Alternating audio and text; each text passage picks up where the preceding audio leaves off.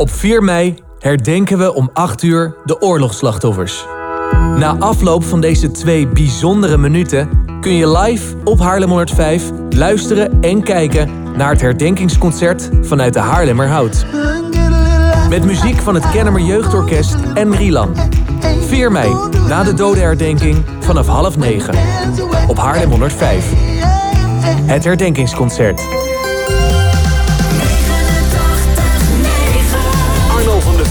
Tot half negen hier de herdenkingsavond. Wait a minute, this love started off so tender, so sweet. But now she got me. Smoking out the window.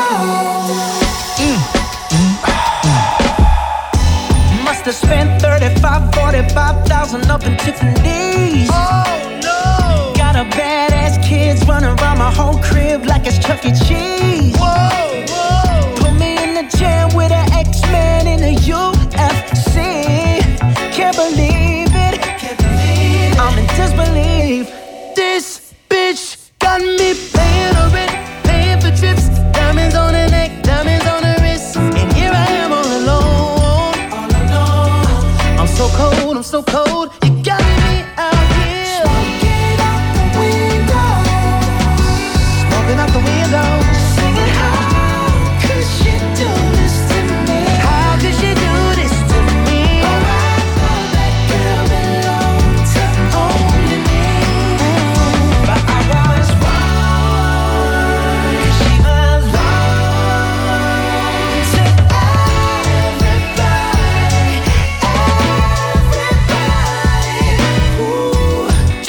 The night, she was gripping on me tight, screaming Hercules. Got me in the club looking for a new love, someone help me please. Baby, why you doing this? Why you doing this to me, girl? Not to be dramatic, but I wanna die. This bitch got me paying her rent, paying for trips, diamonds on her neck, diamonds on her wrist, I'm so cold. You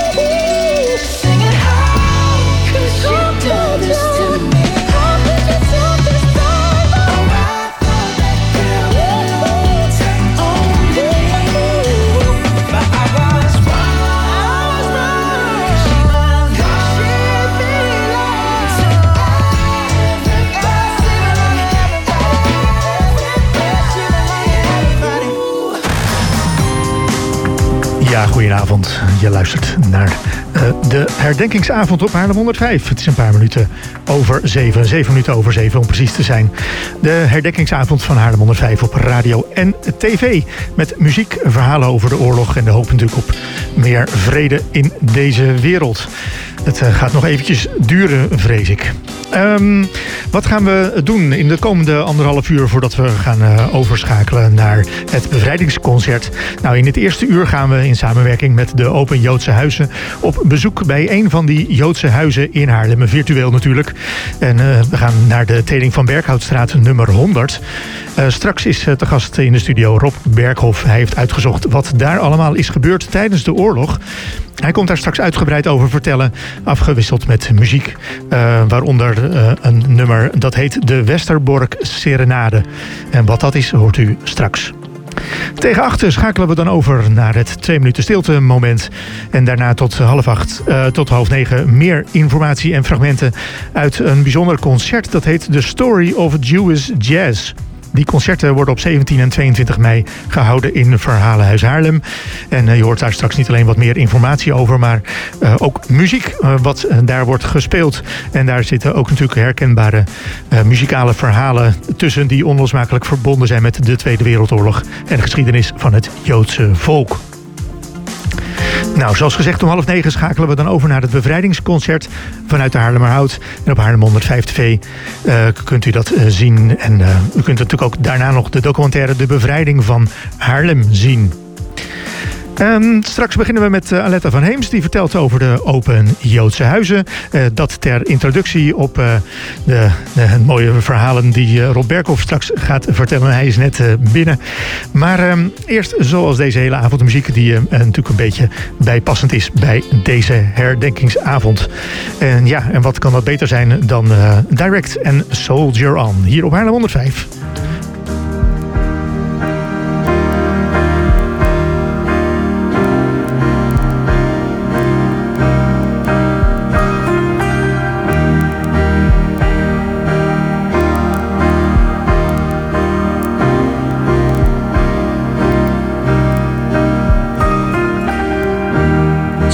Soldier in a woman, you're always true to form.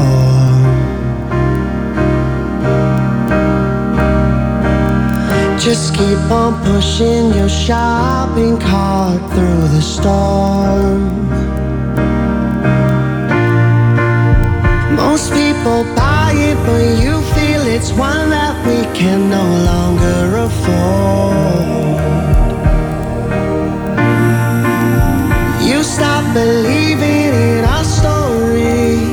You say it's way too short.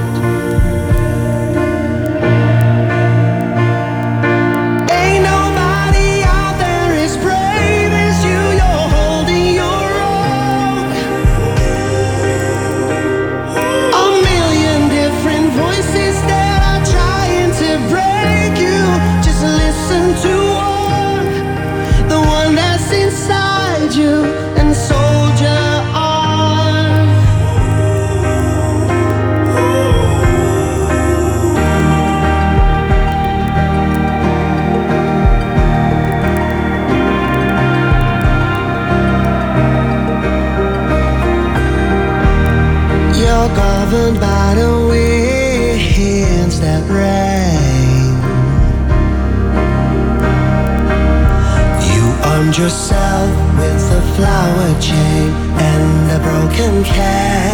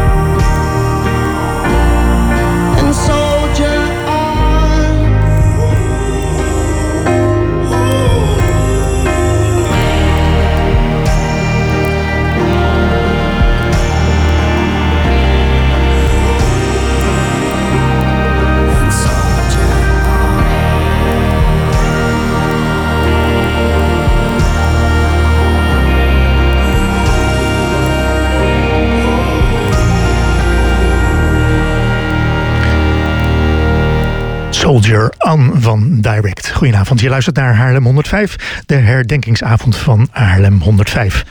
Zoals uh, net al gezegd gaan we het hebben over de Open Joodse Huizen, Huizen van Verzet. Een jaarlijks terugkerend programma van sprekende herdenkingen... waar vertellers, bezoekers en bewoners verhalen uh, ja, delen en vertellen... in huizen waar Joden of verzetslieden woonden... en, uh, en ook natuurlijk werkten voor, tijdens en vlak na de Tweede Wereldoorlog. In Haarlem zijn er vandaag maar liefst 16 verhalen, vaak meerdere malen verteld. En ik sprak voorafgaand aan deze uitzending Aletta van Heems, een van de organisatoren. Ik vroeg haar hoeveel steden er dit jaar hebben meegedaan. Wij zijn uh, dit jaar een van de 16 steden die meedoen. Normaal gaat, is dat aantal wel uh, rond de 25, maar we zitten natuurlijk nog in de nasleep van COVID-19. Daarom zijn het dit jaar maar 16 steden. Daar, waaronder dus ook bijvoorbeeld Den Haag als deelnemende stad. Haarlem is een deelnemende stad. En dan ook kleinere plaatsen die deelnemen. Haarlem is dit jaar een van de grotere steden. Wij hebben namelijk 16 uh, verhalen die verteld worden op 4 mei. En daarmee zijn wij samen met Den Haag na Amsterdam de grootste stad voor dit initiatief dit jaar. Ja, uh, het is inderdaad een, een uh, indrukwekkende lijst van verhalen. Inderdaad allemaal op 4 mei, want het is, in sommige andere plaatsen is het ook op andere data, hè? tussen 30 april en 5 mei. Dat klopt inderdaad. Dus sommige steden kiezen ervoor om het niet op 4 mei te doen vanwege de herdenking. Sommige steden gaan er ook voor om het op te schuiven naar het dichtstbijzijnde weekend. dus dat, dat hangt er een beetje van af. In andere steden wijken ze ook uit naar 5 mei, zeker voor de verzetsverhalen die dan op 5 mei verteld worden. En wij hebben ervoor gekozen om het uh, ook vanuit de kern van dit initiatief, het herdenken, om het daarom ook in Haarlem op 4 mei te organiseren, op uh, de herdenkingsdag uiteraard. Dan is natuurlijk op heel veel verschillende uh, plekken in Haarlem. De meeste natuurlijk in het centrum. Ja, we zei het al even, door COVID lukte het de afgelopen twee jaar niet. Maar het programma lag eigenlijk al bijna klaar. Klopt, ja. We, uh, we hadden uh, aan de ene kant het geluk, uh, maar het was ook wel een flinke domper voor ons in 2020. Maar ons programma was zo goed als af. Het lag al bij de drukker om in de flyer geprint te worden. Dus heel veel van wat wij in 2020 uit wilden gaan voeren, wat ook nog even ter herinnering het 75-jarige vrijheidsjubileum was. Dat was, was een echt een groot jaar. En dat kunnen, hebben wij dus voor dit jaar nog kunnen recyclen. Of eigenlijk is het eerlijker om te zeggen, nu kunnen we het echt een mooie plek geven in het programma van, van dit jaar. En daarnaast hebben we toch ook wel wat aanvulling uh, erbij gezocht. Omdat ja, soms konden mensen niet en, uh, en hebben we dat dus mooi kunnen opvullen met andere verhalen. Ja, iemand krijgt spreektijd. Hoe, hoe lang is dat en hoe gaat dat in zijn werk? Het, uh, het is dus een, uh, echt een herdenkingsbijeenkomst. Er is dus een spreker en wij, uh, wij streven ernaar om sprekers te zoeken die een persoonlijke connectie hebben met de persoon, personen waarover verteld wordt. we hebben daardoor dus, we hebben dus inderdaad kleinkinderen en kinderen en ook nog een enkeling die zelf zijn eigen verhaal vertelt van tijdens de oorlog. En het, het draait allemaal om het, het, de Joodse traditie uh, waarin het noemen van een naam uh, betekent dat iemand in het hiernamaals nog in leven blijft. Dus uh, zolang wij die namen blijven noemen, zolang wij de verhalen blijven vertellen, blijft iemand dus in het hiernamaals, blijft iemand bestaan als het ware. En, en dat willen wij eren. En daarom vertelt dus iemand met een persoonlijke connectie, vertelt ook echt dat persoonlijke verhaal. We, weten, we kennen allemaal het grote holocaustverhaal. En dat is zeker indrukwekkend. Maar door het een naam te geven en door het een gezicht te geven... Um, proberen wij eigenlijk die mensen dus nog weer extra um, te eren. Dus zij vertellen daar 30 minuten over. En dan is er daarna nog tijd om samen met de mensen die bijeengekomen zijn... De, het publiek, zouden we dat normaal misschien noemen... Uh, samen met hen om, uh, om erover te praten. Dus om inderdaad een gesprek ook uit te lokken. Want wie weet uh, willen andere mensen ook nog iets delen over die persoon of over hun eigen verhaal. Ja, dan komen er misschien wel weer hele verrassende andere verhalen boven water. Inderdaad, ja, die dan misschien volgend jaar weer een grotere plek kunnen krijgen in het programma van 2023. Nou zal het in de komende jaren uh, waarschijnlijk alleen nog maar weer moeilijker worden om mensen te krijgen. Hoe, wat is jullie idee daarover?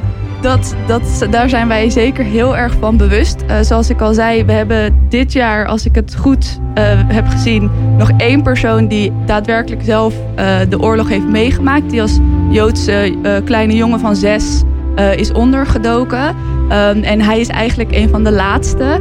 Want wat we zien is dat mensen van een jaar of vijf, zes... die zijn, gaan nu toch wel richting ja, de tachtig eigenlijk. Um, en, en weten ook niet veel meer van hoe het er in de oorlogsjaren aan toe ging. Dus wij wijken steeds vaker uit naar kinderen... Uh, nu dus ook zelfs naar kleinkinderen die de verhalen uit de overlevering hebben meegekregen. Die er dus nog wel een persoonlijke band mee hebben. En wat ook, ook vanuit het Joodse Cultureel Kwartier en dus ook voor ons programma steeds uh, meer een rol gaat spelen, is ook de nasleep van de oorlog. En een van de verhalen waar wij het zo over gaan hebben, gaat ook inderdaad over hè, hoe was het nou voor de gezinsleden na de oorlog. Ja, nou ja, we hebben het over Pasen. Dat verhaal is ook al 2000 jaar oud, wordt ook nog steeds verteld. Dus op zich zou dat moeten kunnen lukken. Het zou moeten lukken, we moeten alleen nog eventjes een manier vinden daarin... die, uh, die, die zo toekomstbestendig is als het paasverhaal. Juist, uh, al dus Aletta van Heems van de Open Joodse Huizen. Straks dus het uh, verhaal van Rob Berkhoff, wat hij onder andere vandaag heeft verteld. Maar ook op een lagere school, basisschool moeten we zeggen, in een van die huizen. Wat er daar gebeurde, namelijk de Teding van Berkhoutstraat nummer 100. Daar woonde de familie Wegloop. Ja, wat what's in a name? Um, en we gaan straks meer horen over vader, uh, moeder en de drie kinderen wegloop die daar uh, hebben gewoond. Eerst nog uh, muziek, Nielsen en Aan Zee. Nou ja, dat mag natuurlijk ook Bruce Springsteen zijn.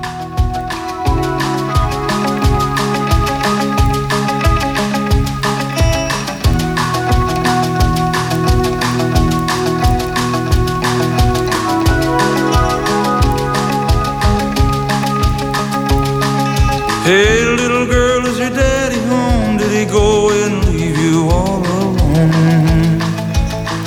got a bad desire.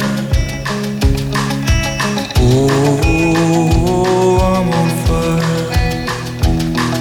Tell me now, baby, is he good to you? And can he do to you the things that I do? Oh no, I can take you high.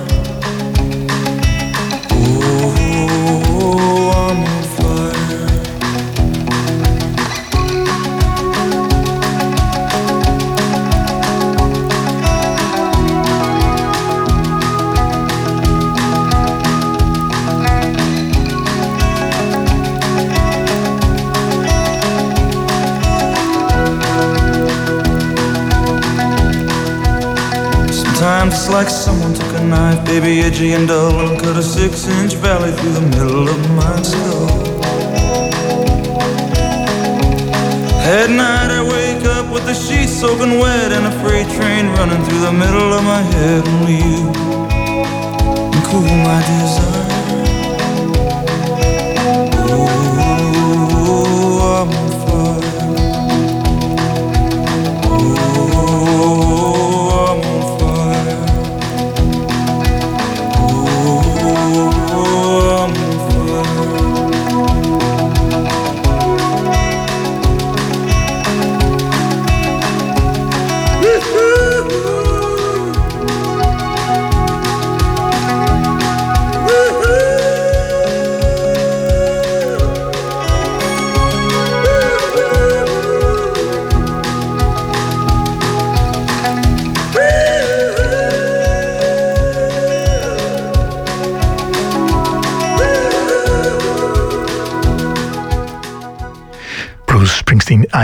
fire. En Nielsen komt uh, gewoon zo. Um, aan, aan de desk, Rob Berghoff. Um, ja, hij heeft uh, meegedaan aan uh, ja, de jaarlijkse Open Joodse Huizen. Natuurlijk de afgelopen twee jaar lukte dat niet om uh, daar iets op te organiseren door de corona. Maar nu kon het gelukkig weer in Haarlem. Dus 16 plekken waar er van allerlei verhalen verteld zijn over de mensen die daar woonden. Um, nou, ben je natuurlijk niet zelf al zo oud dat je de oorlog hebt meegemaakt, Rob. Maar um, er zit een, toch wel een fascinatie voor die Teding van Berkhoutstraat nummer 100. En ja, je hebt daar ook iets mee gedaan met een lagere schoolklas. Hoe ging dat in zijn werk? Ja, um, nou heel kort even over die Teding van Berkhoutstraat. Ik zag een documentaire op de televisie.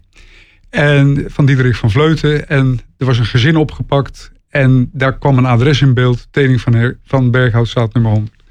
En die, dat, dat, die straatnaam die herkende ik. En op een bepaald moment, eh, toen heb ik eh, gezegd, eh, oké, ik, ga dat- ik ga dat verder uitzoeken. En ik ben na een hele lange speurtocht, ben ik bij een meneer terechtgekomen, die een klasgenoot was van twee van de kindjes. Twee van de kindjes weglopen. En eh, die heeft in 1985, dus heel lang eigenlijk na de oorlog, heeft hij een gedicht gemaakt over het middelste kind, het eh, jongetje Appie, Appie wegloop. En eh, ik heb die man ontmoet twee keer. Hij is bijna twee jaar geleden overleden, want hij zou dus bij die eerste keer dat het mocht, dat het niet door kon gaan wegens corona, zou hij zelf dat gedicht voorgedragen hebben. Eh, helaas overleden. En toen heb ik een, eh, de, de opvolger van de, eh, eh, de Van Zeggelen school, de Martin Luther King school, gebeld. Gevraagd naar de lerares van groep 8. Gezegd, uitgelegd het hele verhaal. Heb jij iemand in de klas met een mooie heldere stem die dat gedicht kan voordragen? En dat is gelukt. En eh, zij heeft vandaag ook twee keer acte présence gegeven. Heel leuk, deed erg goed. En eh, ik ben als een soort tegenbeloning ben ik in de klas in een beknopte vorm het verhaal ook gaan vertellen. En op een bepaald moment, eh, ja, daar gaan de vingers omhoog. Meneer Op, mag ik wat vragen? Oké, wat, wat wil je vragen? Ehm, eh, wat, wat is je doelstelling geweest? Een hele ja, slimme vraag voor zo'n Ja, joch goede van 12 jaar natuurlijk. En eh, toen heb ik gezegd van nou, toen ik eh, alles ging onderzoeken, duurde het zo ontzettend lang voordat eh, ik iemand tegenkwam die de naam Wegloop herkende. Dat heeft heel lang geduurd, echt heel erg lang. En op een bepaald moment gezegd van oké, ik ga dat, dat verhaal rondmaken, ik ga het vertellen, ik ga het bij jullie vertellen. En wat is het resultaat dat ik het nu vertelde bij jullie? Dat jullie, en ik telde ze even, een man of 2, 23, ik zeg dat jullie het verhaal nu kennen. En ik denk, hè, want er waren leerlingen ook met projecten over de oorlog bezig. Ik denk ook dat een paar van jullie vanavond thuis aan tafel het aan je ouders gaat vertellen. Dan weten er nog meer mensen. Nou, en dat is wat eh Alet ook vertelde. eh, in die traditie van het herdenken, hè, dat de namen genoemd blijven worden, opdat dan de, de doden eigenlijk gewoon in leven blijven. En dat was mijn doelstelling. Ja, Ehm, er weten dus veel meer mensen over het verhaal van de familie Wegloop. Eh, het is ook wel een, naam die bijblijft, dus dat maakt het misschien wel wat makkelijker. Ehm, en, kun je een beetje schetsen wat voor familie dat was? Ja, het was een eh, Amsterdamse familie, een arme, arme familie. Eh, de man, Salomon, was lompen- en metaalsorteerder. En toen ze in 1936 in Haarlem kwamen, is hij dat gaan doen in de Vijfhoek. eh, bij een lompen- en metaalbedrijf eh, van Henk Smit.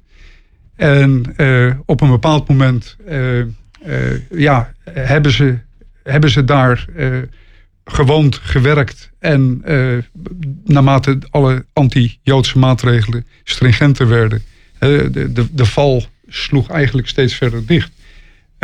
zijn ze uiteindelijk ondergedoken en zijn ze tegenover zeg maar, het bedrijf van Henk Smit in de Lange Raamstraat, zijn ze ondergedoken.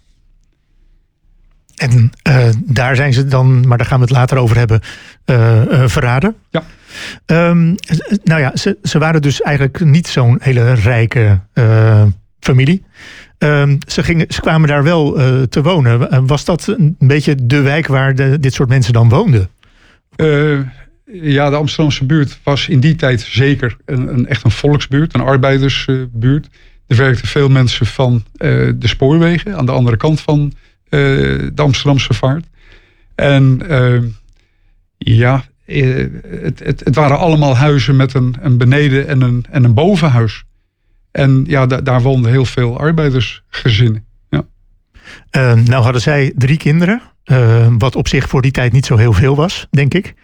Dus dat paste ook wel in dat huis. dat paste in eerste instantie. ehm maar even, even schetsen precies. Ze hebben op twee adressen gewoond in Haarlem, officiële adressen. En eh, 150 meter van elkaar. En mijn vader, die woonde met zijn ouders en zijn broertjes en zusjes, precies in het midden daarvan. Dus vandaar dat ik heel erg geïnteresseerd was, ook of, of mijn vader daar heel veel van wist. En, en ik heb mijn vader heel ontzettend veel dingen over gevraagd ook. Ze zijn toen verhuisd van een bovenwoning, het eerste huis, een bovenwoning, eh, eh, klein, naar een benedenwoning met een tuin. En dat is de teding van Berkhoutstraat. En daar heb ik vandaag de, de lezing gegeven. Ja. Was je al eerder in dat huis geweest of was dit vandaag de eerste keer? Nou, ik heb, ik heb een ongelofelijke zoektocht achter de rug. Die is ongeveer vier jaar geleden begonnen. Maar eh, ik ben eigenlijk bijna op alle plekken wel geweest in Haarlem waar ze gewoond hebben. Overal rondgekeken, overal gevraagd. Uh, uh, de dokter Schaapmanstraat, waar ze eerst zijn gaan wonen. Uh, daar, daar ben ik het laatste nog ge geweest. gewoon eens aangebeld van joh, even heel kort uitgelegd waarom ik de man zijn woning wilde zien. Want dat, hij wilde dat eigenlijk niet. Lijkt me best lastig. Ja, ja. Daar staat dus een vent op de stoep die, die vraagt van mag ik, ja, mag ik even binnenkijken? Ik zou ze ook niet binnenlaten, maar goed. Hij, hij liet mij uiteindelijk binnen en uh, dan zie je, dan voel je ook uh, uh, de ruimte. Waar zij dus met twee volwassenen en drie kinderen geleefd hebben. En dat viel daar in die Dr. Schaapmanstraat wel mee. Dat, dat, Oké. Maar als jij je dan kan verbeteren door naar een wat grotere benedenwoning gaan met een mooie tuin, mooie achtertuin, ja, dan is dat geen moeilijke beslissing. En dat is gebeurd. Daar ben ik al, al veel eerder geweest. Dat was eigenlijk mijn eerste punt dat ik denk van daar wil ik uh, een, een contact hebben. Dat, uh, want als er een adres is waar de lezing gegeven moet worden, dan is dat het huis. Het, het, laatst, uh, het laatste officiële woonadres. De Teding van Berkhoutstraat nummer 100. Um, we gaan het straks hebben over uh, ja, hun leven en wat er tijdens de oorlog daar allemaal gebeurde met hen. En misschien ook wel in de wijk. Maar uh, eerst muziek. Nielsen is nu echt aan de beurt. Aan zee, aan zee. Bracht de stroming haar mee, haar mee. Ik vond dat ze op maan leek. Schrok toen ze me aankeek. En zei ga mee, ga mee. Wat zou jij doen als je mee mag? Met je fantasie. En ze zo lang om je heen danst Dat je dubbel ziet Ik heb gedroomd van onze energie Voordat ik je had gezien Was ik al verliefd Want ik heb op je gewacht Ik laat je niet meer los Want zo houdt niemand me vast Ik heb naar je verlangd Kus me overdag en geef me vuur in de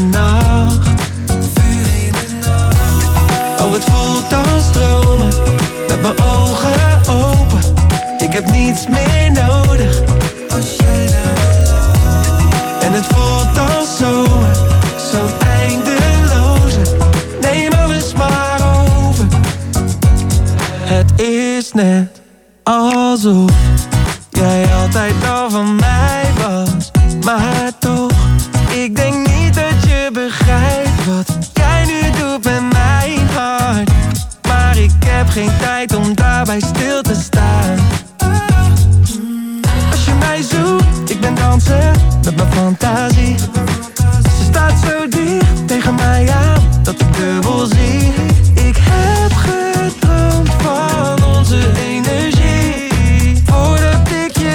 gezien. Ik al verliefd Want ik heb op je gewacht. Ik laat je niet meer los Want zo houdt niemand me vast. Ik heb naar je verlangd Kus me overdag en geef me vuur in de nacht. Oh het voelt als stromen Met mijn ogen open. Ik heb niets meer nodig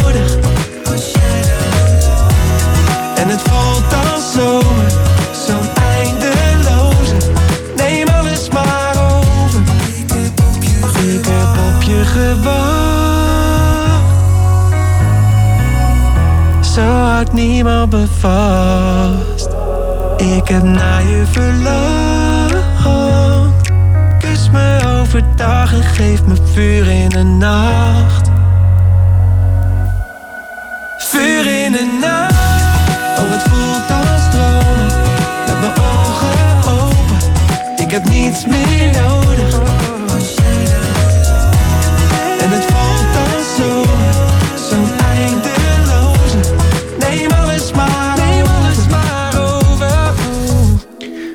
Nielson aan zee. Het is eh, even over half acht. Je luistert naar de herdenkingsavond van Haarlem 105 Radio en TV. Ehm, tegenover mij Rob Berghoff, een van de vertellers vandaag van de Open Joodse Huizen. Hij was eh, te gast bij de Teding van Berghoutstraat 100, waar de familie Wegloop woonde.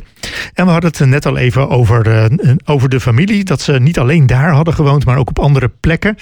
Ehm, ja, en de Teding van Berghoutstraat was wel de, de, de beste plek om daar eh, te, te zijn en om daar de, het verhaal te doen over hun leven. Ehm, wat, wat leidden zij voor leven? Wat hebben zij in die oorlog allemaal meegemaakt?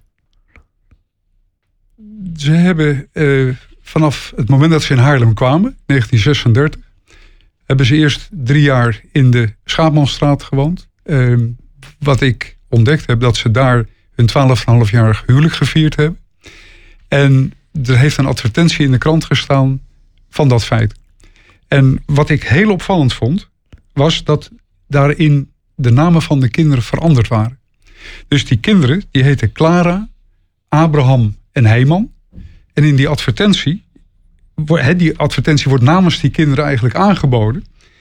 eh, met de wens dat hun ouders nog vele jaren gespaard mogen blijven. Is de wens van hun dankbare kinderen.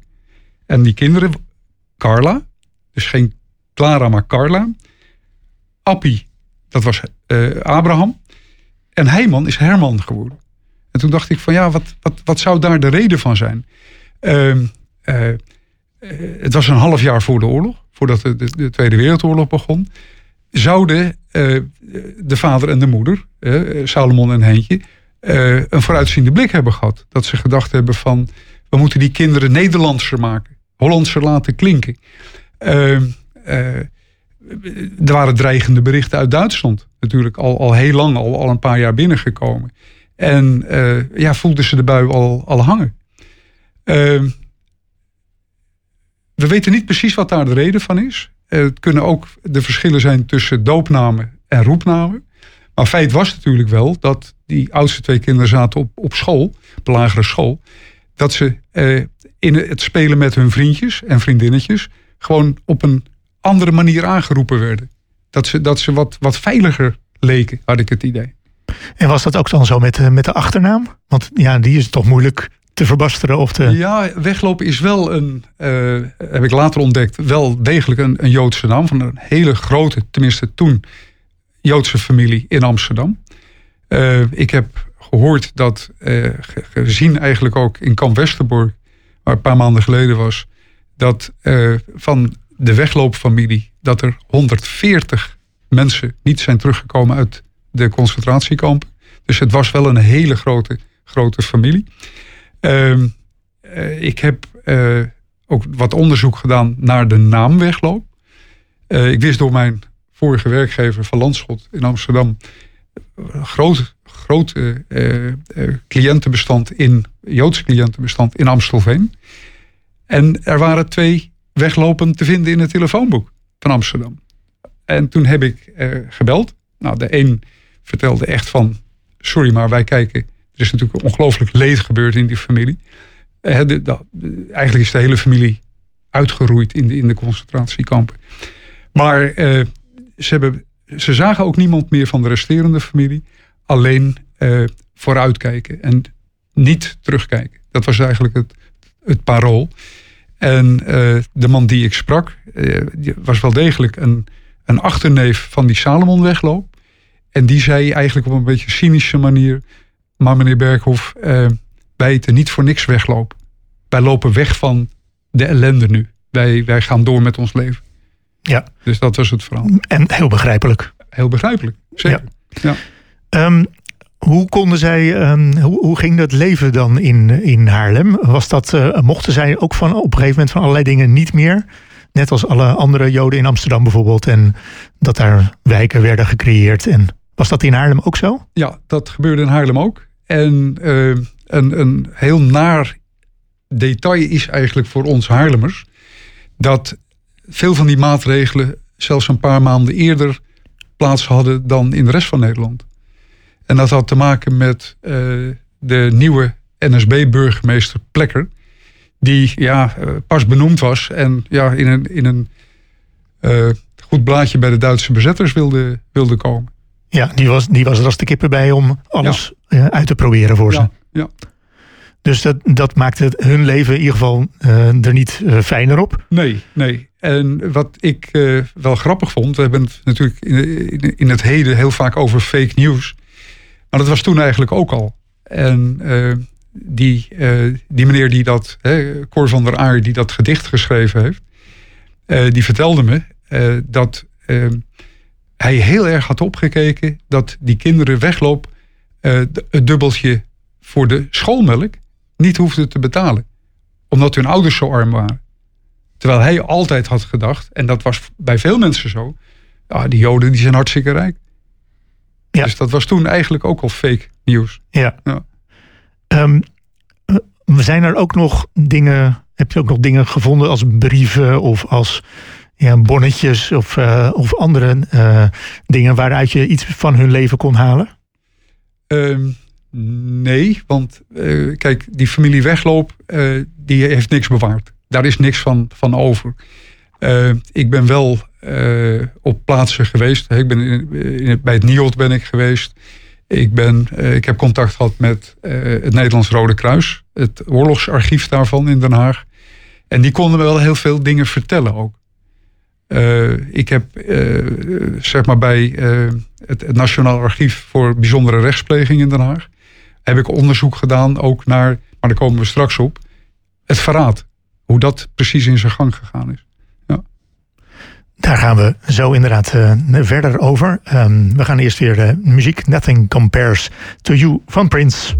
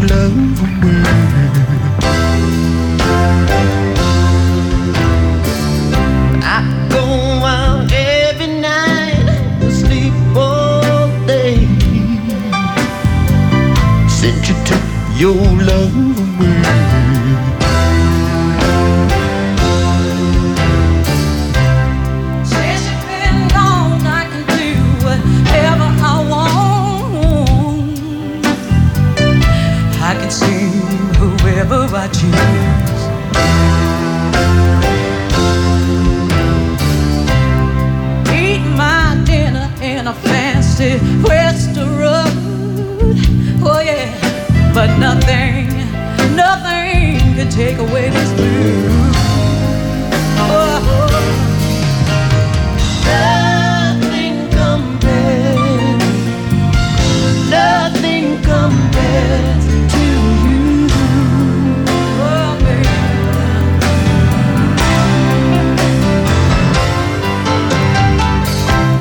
It's been so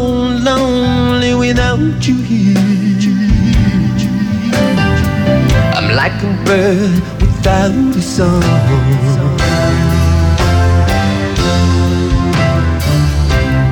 Nothing can stop this lonely rain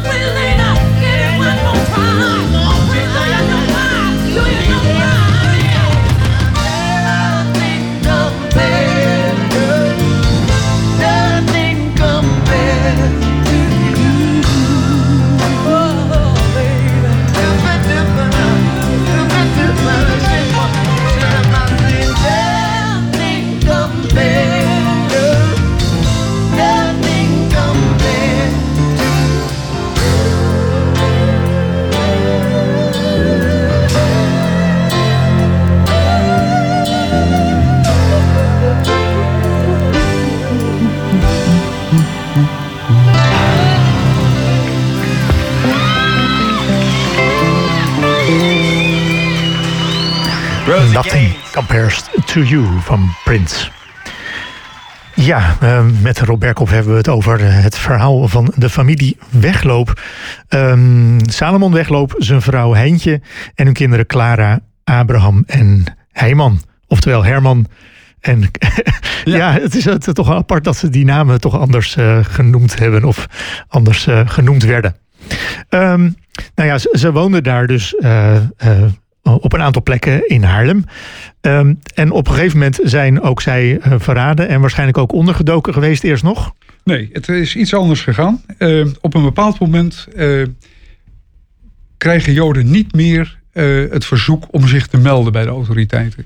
Die, die stap die, heb- die is ge- gebeurd en daar hebben te weinig mensen zich gemeld. Dus Ja, zij hadden zich ook niet gemeld. ze hadden zich niet gemeld.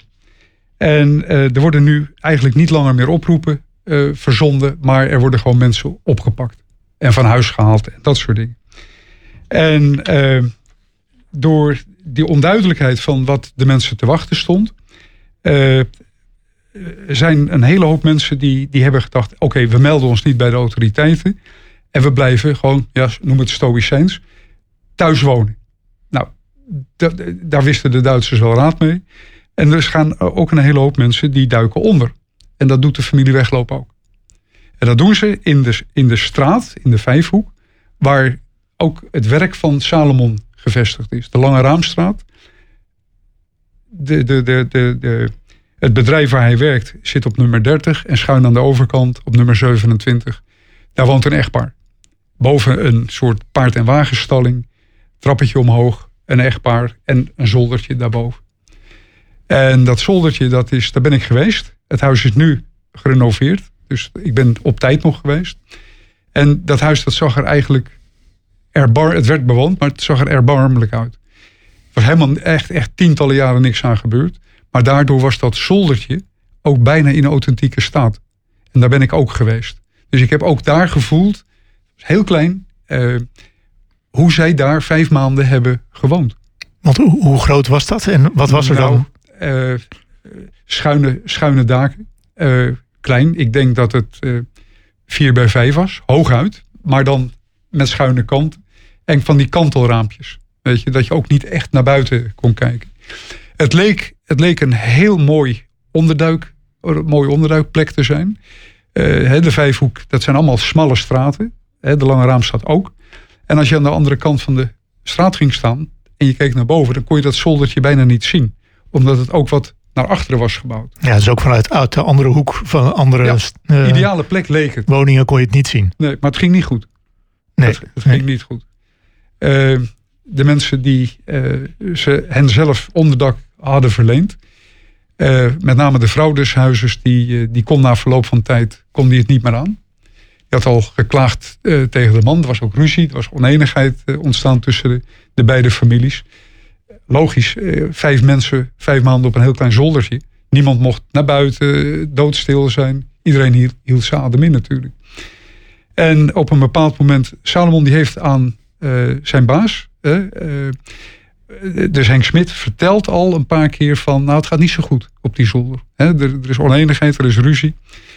En de vrouw des huizes, die, die had al geklaagd bij de man. En uiteindelijk heeft ze, en dat heb ik gelezen in het proces verbaal, ze, ze werd compleet gek van die joden. En ze heeft ze aangegeven bij de Haarlemse politie. En eh, tot eh, dat zij werden aangegeven, ehm, was Salomon nog gewoon aan het werk dan aan de overkant? Soms. Soms. Dat was niet altijd. Dat moest stiekem gebeuren. Want ze, waren, ze zaten in de onderduik natuurlijk. Maar af en toe sch- schijnt hij gewerkt nog te hebben. Ja, dat de andere af en toe nog even overstak en dan.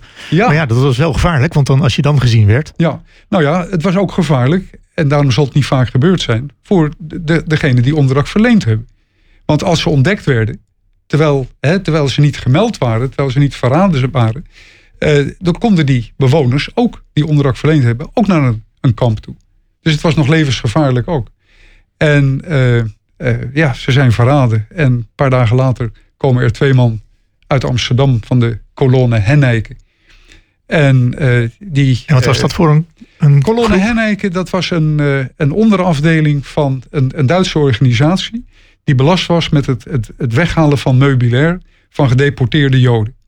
En die kregen er in 1943 een extra taak bij om ook Joden die verraden waren thuis op te halen. En ja, dat was een. Daar, daar verdienden ze geld mee ook. Daar kregen ze 7,50 per hoofd, hè, per kop. Dat werd kopgeld eh, genoemd. Dus het was een lucratieve business. Er komen twee man. hè, die, die kolonne Henneke die bestond uit zeg maar variabel 30 tot 50 man. Foute Nederlanders, NSB'ers, eh, klaplopers. En er komen er twee naar Amsterdam. En waaronder de baas zelf, de naamgever van de kolonne, Willem Henneke zelf. Die kwam kijken of de ander, chef, zwager, of die het wel goed doet waarschijnlijk. En eh, nou ja, ik heb die processen verbaal, eh, ja, die mag je niet fotograferen. Hè, maar als een, als een gek heb ik dat opgeschreven. Daar, ja. snel. Dus ik kon dat vandaag vertellen. Hoe eh, Henk Smit zijn proces verbaal luidde. Hè, alsof Henk Smit aan het woord was. Het mooie was dat de kleinzoon en de kleindochter van Henk Smit bij mij in de kamer zaten. Die waren gekomen. Ik heb ook een fotootje gekregen van hun opa en oma. En hoe vonden zij dat dan? Ja, dat vonden ze zeer apart. Dat vonden ze zeer apart. Ze, ik, ik had al eerder met hem gesproken, met die kleinzoon. Eh, eh, en eh, hij wist door, daardoor wel al een paar dingen. Maar de hoofdmoot, dat was eigenlijk niet helemaal bekend. En er is eigenlijk in die familie altijd... is het onderwerp een beetje... ja, eh, er werd eigenlijk niet zoveel over gesproken. Want er hing een zweem van onduidelijkheid... over de rol van opa. En eigenlijk door het, het, het kijken in het proces verbaal... weten dat eh, Salomon Wegloop hem bedankt heeft voor zijn hulp. Eh, met, met geld en bonnen en, en noem maar op. En met eten. Eh, en het feit dat hij vanuit de Hollandse Schouwburg, waar ze dus eh, naartoe zijn gegaan, daar hebben ze twee weken vastgezeten, heeft hij hem een briefje gestuurd naar Henk Smit om hem te bedanken voor alles. En daarin stond ook dat hij wist dat ze verraden waren door de onderburen, de familie van der Meulen. Dus dat was wel dat je die familie ook eigenlijk een, een, ja, een warm antwoord kan geven. Van het is goed, hij heeft alleen maar goede dingen gedaan. Dat was wel heel belangrijk. Ja. Ehm, ja, nu, nu heb je dat hele verhaal, dat levensverhaal van hen uitgezocht. Ehm, ben je tevreden of ga je nog verder? Of is er nog meer te vinden, denk je? Eh, nou, ik ben gepensioneerd en ik heb altijd gedacht dat pensionado's een lege agenda hadden. Nou, dat valt bar tegen. En mijn vrouw die heeft gezegd van, "Nu- nu maar even niet. We gaan eerst wat, wat leuke dingen doen. Het is goed zo. Ja. Ja, er is genoeg ook eh, over bekend. En, eh, Ja. Oké. Nou, eh, Rob Berkhoff, dankjewel voor dit ja, indringende verhaal. Ehm, ja, eh, 12 juni 1943 dus is de familie Wegloop eh, opgepakt en, en weggevoerd. En uiteindelijk zijn ze naar via Westerbork dan Ja, weggevoerd ze hebben naar... eerst twee weken in de Hollandse Schouwburg gezeten. eh, vervolgens naar Westerbork. Daar ging elke week op dinsdag een trein naar Sobibor, het vernietigingskamp. En toen zij aankwamen, eh, laat in de middag, eh, 29 juni, eh, toen, is, eh, toen waren er al drie weken geen treinen geweest. Dus je kunt je voorstellen, op maandagavond was het altijd paniek in het kamp, omdat dan de mensen aangewezen werden die de volgende dag met de trein mee moesten. En dat was al drie weken niet gebeurd. En eh, op het moment dat eh, Salomon wegloop en zijn gezin daar kwamen, gingen ze gelijk de volgende dag weg. En na een dag of drie reizen, drie dagen, drie nachten, kwamen ze in Sobibor. En ze zijn direct na aankomst eh, vermoord ook. Daar. Ja, oké. Ja, en altijd toch weer een, eh, een triest eh, einde Ja. van, het, van ook dit verhaal. Nou, bedankt voor, voor het verhaal en de, en de toelichting en het uitzoekwerk. Wat ook natuurlijk gebeurt, moet gebeuren. Ehm, we gaan straks eh, naar de, de herdenking. Ehm, nog een aantal minuten, dus eh, eerst nog muziek. Jack and Wedderman en Legacy. Dat is eh, misschien nog wel een toepasselijke titel van deze plaat. 89, 9. Dit is de muziek uit Haarlem.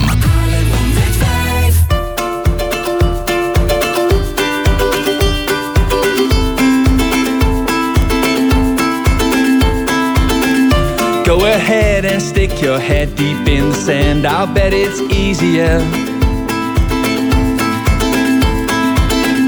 Make your plans or kick the can, swallow the pill and be obedient.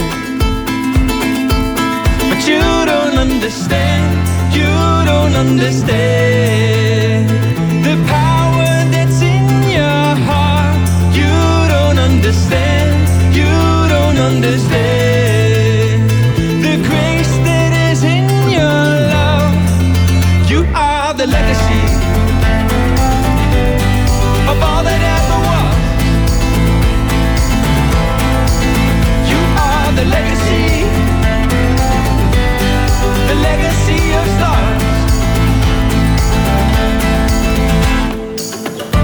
Living life within your head won't get you there. Knowledge is limited.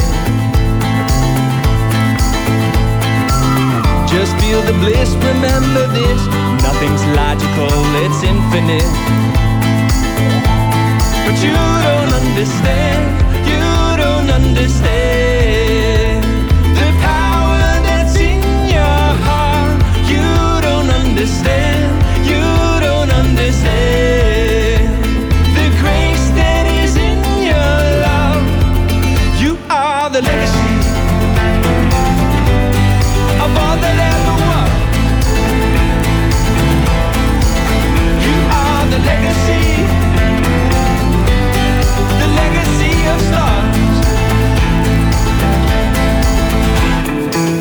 On the edge of the future and past, moment to moment, ash of the ash. Time and space, gotta find your way now. Fly to the galaxy, life a reality. Orbit your thoughts and orbit the sun. Tune into love, keep moving as one. We are the fireworks, we are the planet Earth, we are the universe.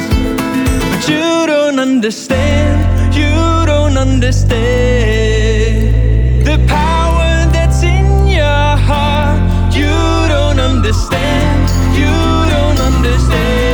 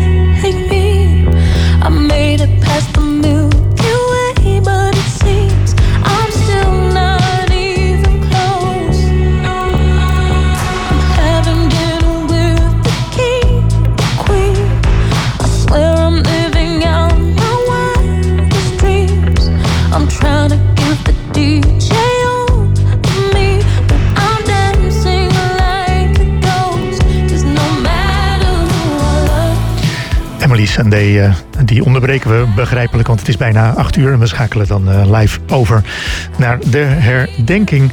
En eh, die begint nu.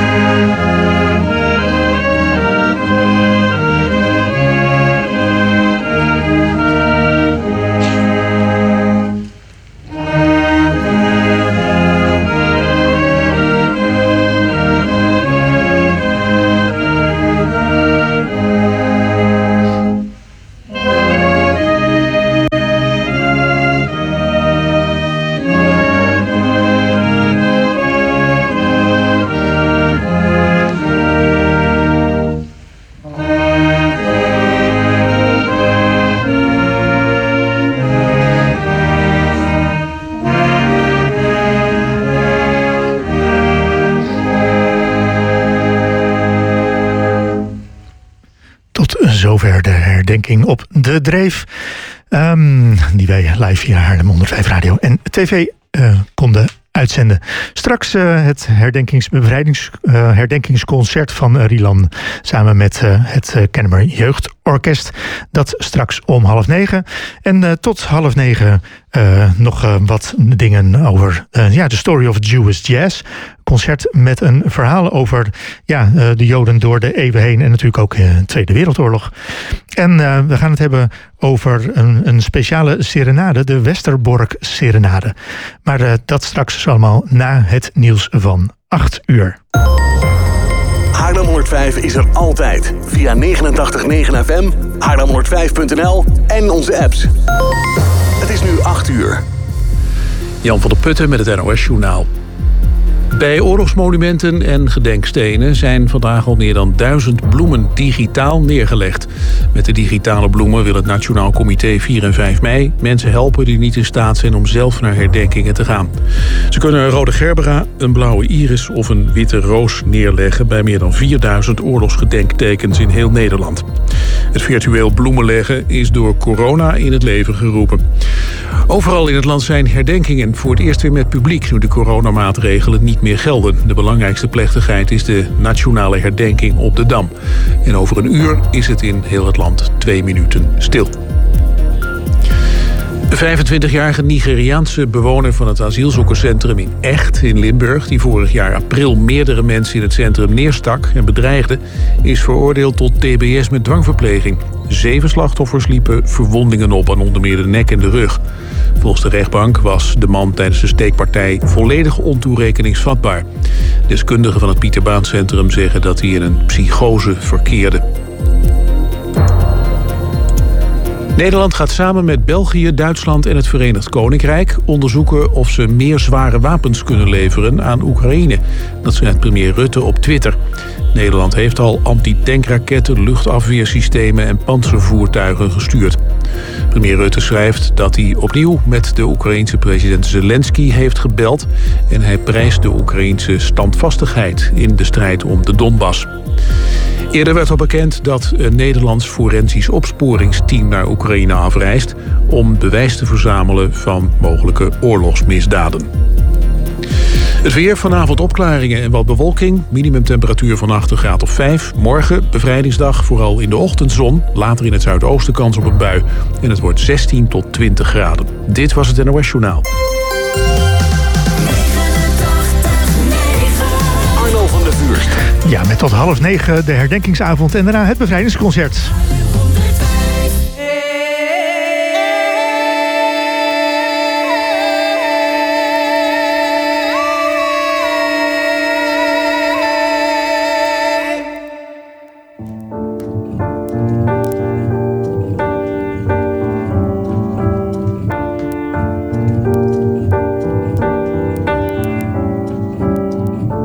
Suis pas tout seul à être tout seul. Ça fait déjà ça de moins dans la tête. Et si je comptais combien on est? Beaucoup. Tout ce à quoi j'ai déjà pensé. Dire que plein d'autres y ont déjà pensé. Mais malgré tout, je me sens tout seul. Du coup, j'ai parfois eu des pensées suicidaires j'en suis peu fier. On croit parfois que c'est la seule manière de les faire taire. Ces pensées qui me font vivre un enfer. Ces pensées qui me font vivre un enfer.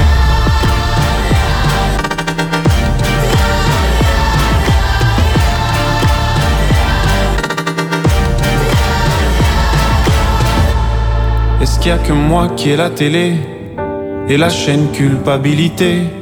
Mais faut bien changer les idées. Pas trop quand même, sinon ça repart vite dans la tête. Et c'est trop tard pour que ça s'arrête. C'est là que j'aimerais tout oublier. Du coup, j'ai parfois eu des pensées suicidaires j'en suis peu fier. On croit parfois que c'est la seule manière de les faire taire. Ces pensées qui me font vivre un enfer. ces pensées qui me font vivre un enfer.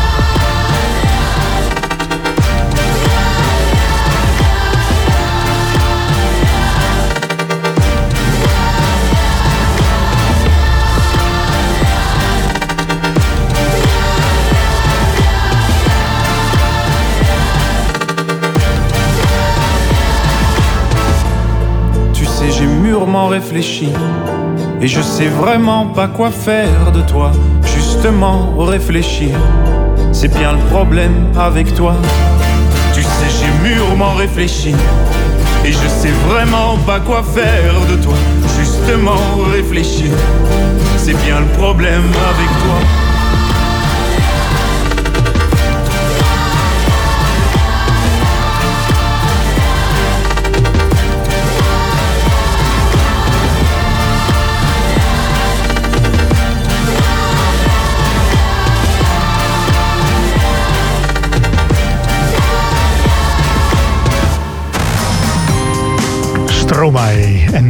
L'Enfer. 9 minuten over 8. Je luistert naar de herdenkingsavond van Haarlem 105. Straks eh, gaan we overschakelen naar het eh, concert eh, met Rieland en de Bombardiers en het Kennemer Jeugdorkest. Ehm, maar eh, tot die tijd, tot half negen, nog een paar eh, eh, mooie minuten met muziek en wat goede en ja, toch wel informatie over ja, de Jewish Jazz, een concert met een verhaal. En we gaan het eerst hebben over de Westerbork Serenade. Ehm, wat is dat dan? Ehm, ja, eh, die Westerbork Serenade. Ehm, het, het gaat eigenlijk om eh, eh, het duo Iwo Bakker en Sibrum van Doesem. Die speelden gisteren in de livestream van de Open Joodse Huizen uitzending. Ze hadden gisteren een livestream met Hanneke Groenteman vanuit Amsterdam. En zij speelden daarin die Westerbork Serenade. Die is geschreven door Johnny en Jones.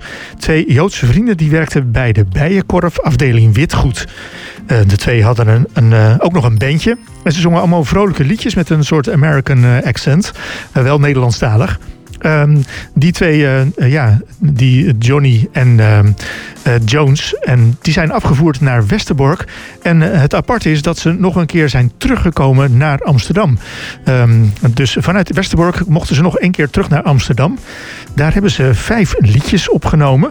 Eh, en daarna moesten ze weer terug naar Westerbork.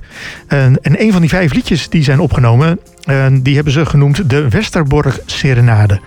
Ehm, en toen ze teruggingen naar Westerbork, na het opnemen van die liedjes, werden ze op een gegeven moment op het eh, laatste transport daar afgevoerd naar het oosten. Nou, een, eh, ja, toch wel een apart eh, gegeven om dat dan zo te kunnen horen. En dat, dat, dat zij ook dat liedje zo kunnen gaan zingen. Je luistert naar Ibo Bakker en Sibrum van Doesem. En zij zingen dus de Westerbork Serenade. Ben geloof niet helemaal in orde. Ben met mijn gedachten niet bij. Opeens ben ik een ander mens geworden. Mijn hart klopt als een vliegtuigsloperij. Ik zing mijn Westerbork serenade. Langs het spoorwegbaantje schijnt het zilveren maantje op de heide. Ik zing mijn Westerbork serenade. Met kleine schöne dame wandelen tezamen zij aan zijde. En mijn hart komt als een ketel in het ketelhuis. Zo had ik het nooit te pakken bij mijn moeder thuis. Ik zing mijn Westerbork serenade. Tussen de barakken kreeg ik het te pakken op de hei. Deze Westerbork liefdelei. Daarna ging ik naar de sanitator. Zei, vent, er is heus niets aan te doen. Maar je voelt je heel wat stukken beter. Na het geven van de allereerste zoen. En dat moet je niet doen. Ik zing mijn Westerbork serenade. Langs de spoorwegbaantje schijnt het zilveren maantje op de heide. Ik zing mijn Westerbork serenade. Met een schöne dame wandelen tezamen zij aan zijde. En mijn hart brandt als de ketel in het ketelhuis. Zo had ik het nooit te pakken bij mijn mami thuis. Ik zing mijn Westerbork serenade. Tussen de barakken kreeg ik het te pakken op de hei. Deze Westerbork liebelei. Ibo Bakker en Siberen van Doesem. Ze speelden dus gisteren in de livestream van de Open Joodse Huizen- deze Westerbork Serenade. Ja, dat gebeurde dus ook nog in Westerbork. Straks eh, meer over The Story of Jewish Jazz. Een, een concert met een verhaal. Maar eerst eh, andere muziek eh, van Phil Collins. Another Day in Paradise.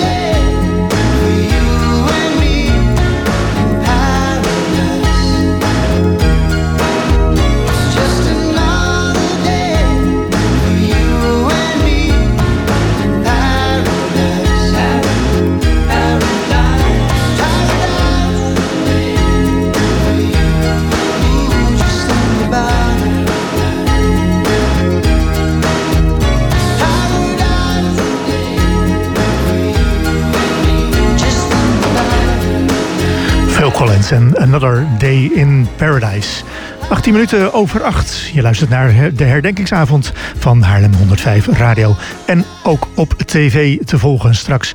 Ook natuurlijk het concert uh, in de hout met uh, Rieland en de Bombardiers en Kennemer Jeugd Orkest. Maar eerst uh, uh, meer over The Story of Jewish Jazz. Een uh, concert met een verhaal. Dinsdag 17 en zondag 7, 22 mei om 3 uur in Verhalenhuis Haarlem. Van Oost-Europese klezmer tot verboden samenwerkingen in clubs in Haarlem, New York in de jaren 30. En van Hollywood musicals tot Noord-Afrikaanse invloeden van de Israëlische Mizrahi-joden van vandaag. De evolutie van de jazz is altijd sterk beïnvloed door joden en hun muzikale erfgoed. En daar geldt natuurlijk ook uh, de muziek en de gebeurtenissen van de Tweede Wereldoorlog uh, horen daar duidelijk bij. Uh, sommige dingen zijn natuurlijk helemaal niet zo heel erg bekend. de, die muziekgeschiedenis van de Jewish Jazz. Um, even een kort fragmentje. Tenminste, dat is de bedoeling. Een kort fragmentje.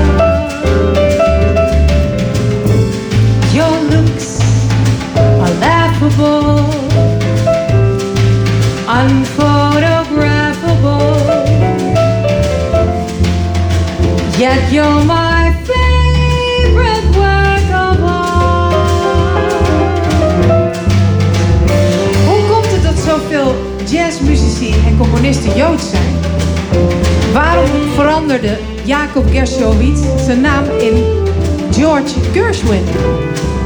En hoe is het mogelijk dat zwarte muzici en Joodse muzici samenwerkten in een tijd dat dat absoluut verboden was in Amerika? Daar gaat het over in Jewish Jazz. En we willen laten horen de evolutie en de ontwikkeling van de Joodse muziek. Van klezmer tot en met American Songbook. En alles daartussenin. Van Connie Draai tot My Funny Valentine.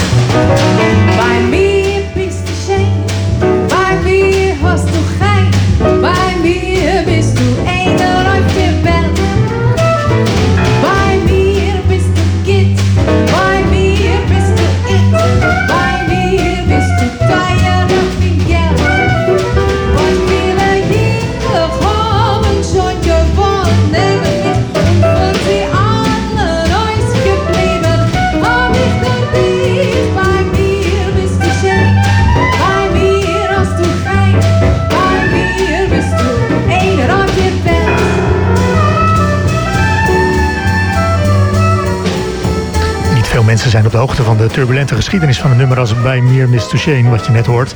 Wereldwijd bekend geworden natuurlijk in de versie van eh Sami Khan. Eh, gezongen door de Andrews Sisters in 1937, maar oorspronkelijk afkomstig uit een Jiddische musical uit 1932. Maar toen de Duitsers daarachter kwamen, werd het nummer direct verboden.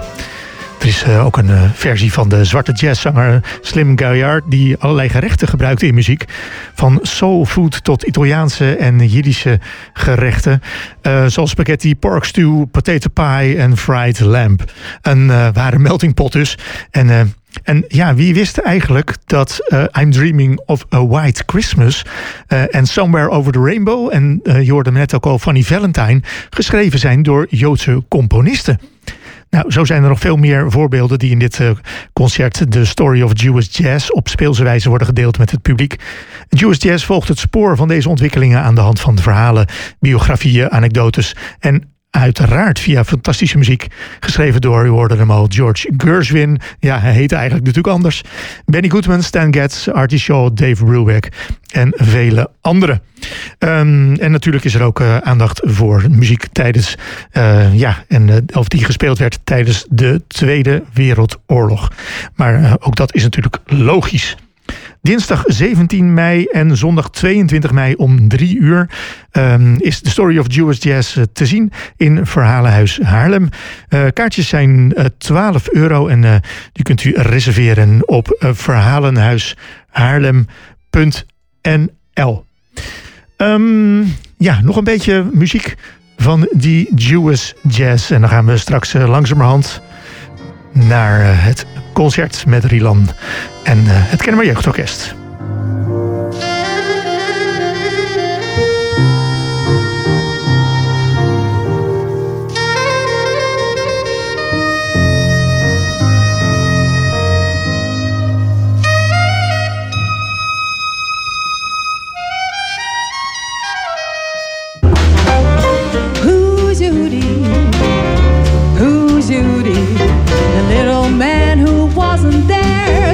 He heard him on the air. No one seems to know from where, but who's Judy? Rond 1900 vluchten een heleboel Joden vanuit het Russische Tsarenrijk naar Amerika op de vlucht voor pogroms. Ze waren arm, maar ze namen hun rijke cultuur met zich mee. En zo ging ook dit liedje met ze mee. Mama Maggie ging spazieren, ja mijn lieve Tochter. Mama Maggie romanzieren, ja mijn lieve Tochter. Aber sagt er mir, Mama meine, ihr is in mir verkochter. Mama, was soll sein mein Entfer, ja mijn lieve Tochter. En toen werd het gezongen door Helen Forrest. Haar echte Joodse naam was Helen Vogel, maar dat vonden ze te Joods klinken. Mother, may I go out dancing? Yes, my darling daughter. Mother, may I try romancing? Yes, my darling daughter. What if there's a moon, mama darling, and it's shining on the water? Mother, must I keep on dancing? Yes, my darling daughter. Sophie Tucker was een geliefd vaudeville-zangeres en ze zong graag vieze, grappige liedjes. Girls who talk of dieting, gee, they get on my nerves. If you want to keep your husband straight, show them a lot of curves. I don't want to get thin. You can laugh and you can grin, but I'm doing very well the way I am. Hey, Tucker, I think you could do with a pound less or two. Look what's talking. if he closes one eye, he's looking like a needle. De meeste Joodse immigranten gingen wonen op de Lower East Side in New York. En op elke straathoek stond een synagoge en een theater. Gershwin heeft het volgende religieuze thema opgepikt in een van die synagoges. Baruchu et Adonai Amekorach. It ain't necessarily so.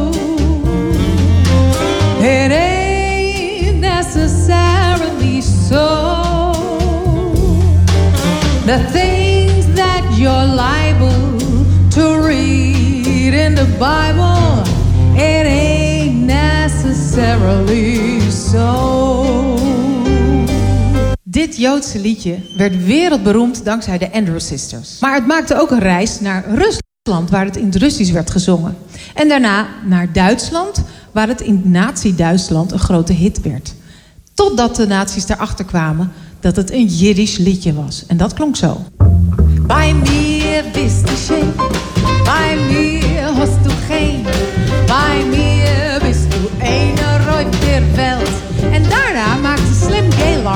zwarte artiest, deze grappige tekst. I could say gefilte fish, but I take some more stew. Give me some ice cream pie with that good baked potato pie. I could say spaghetti, I could say beef stew, but bring me some of that good, good fried lamb.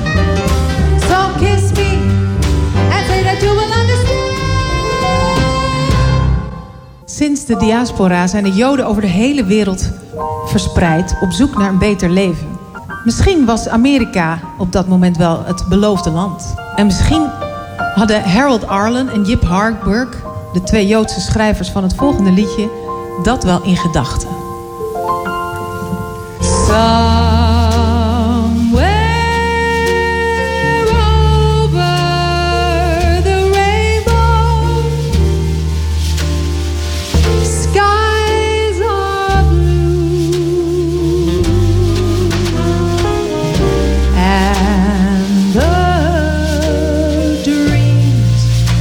That you dare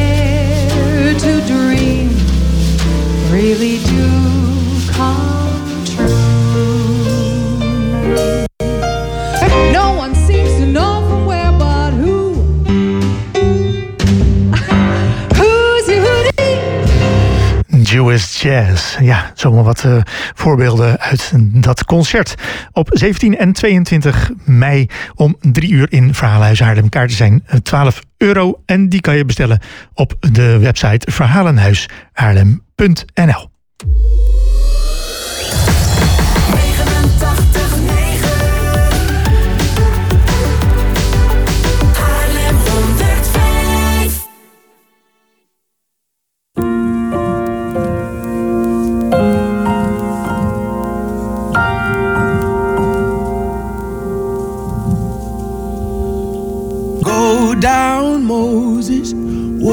down, Moses, go down to Egypt land.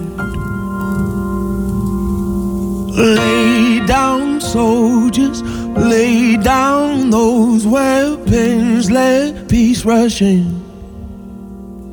Let it wash to the valley side, to the mountains, fall in the deepest blue sea.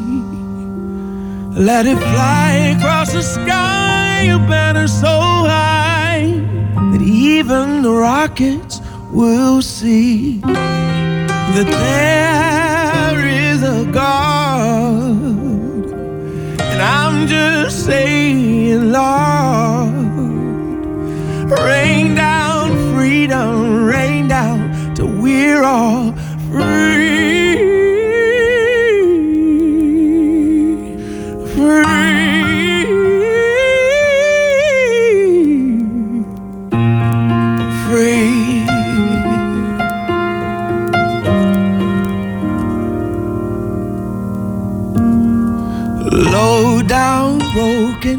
Homeless, floating, lost and thrown to chance. Yeah. Hoe mooi de lied van John Legend ook is, Free. En hoe toepasselijk. Eh, We gaan eh, nu toch schakelen met het eh, podium. Want daar staat ehm, eh, oud-burgemeester Bernd Snijders. En hij kondigt het herdenkingsconcert aan met Kennemer Jeugdorkest. En Rilan en de Bombardiers. Eens even kijken of we beeld hebben en geluid. Ja.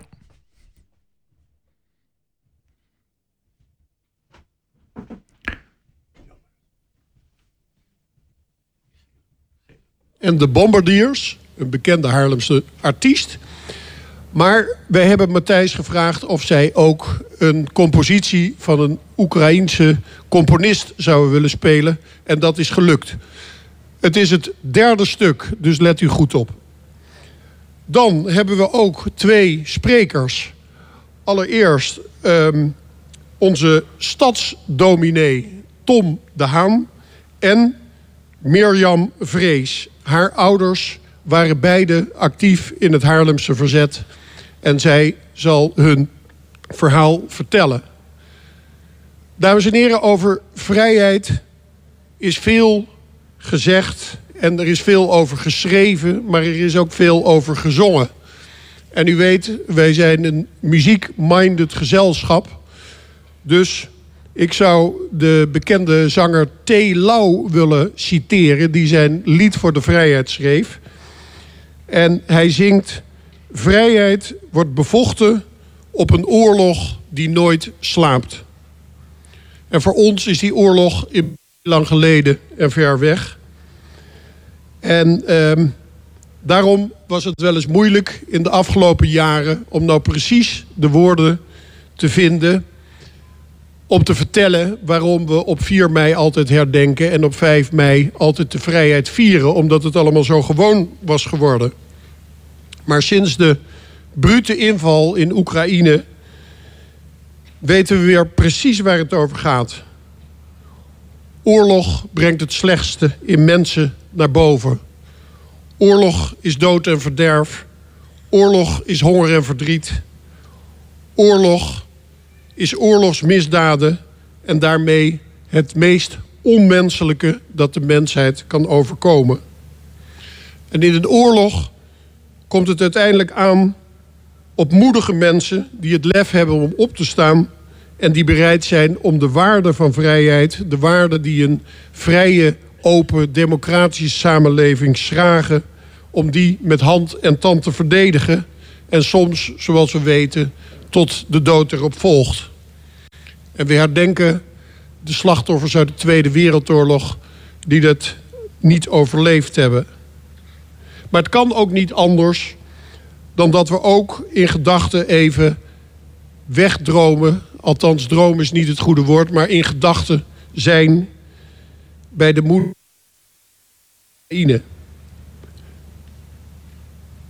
Mooi domanjemo protebe. Ofwel, we denken aan jullie. Ik wens jullie een mooi herdenkingsconcert toe.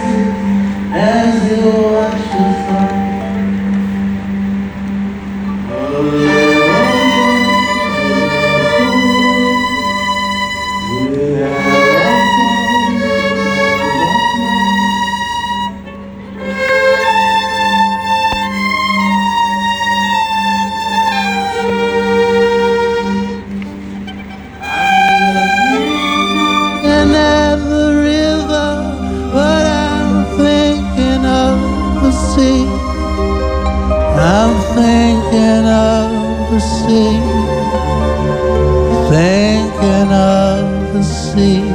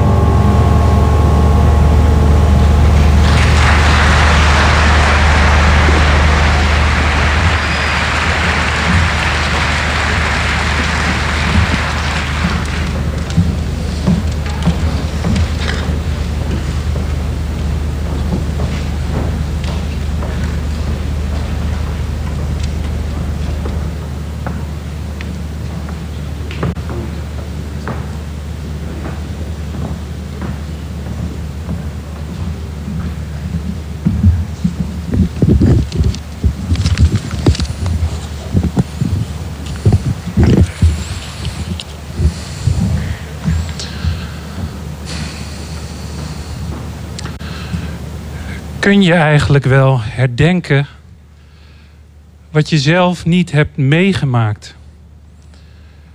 Die vraag werd de afgelopen jaren gesteld.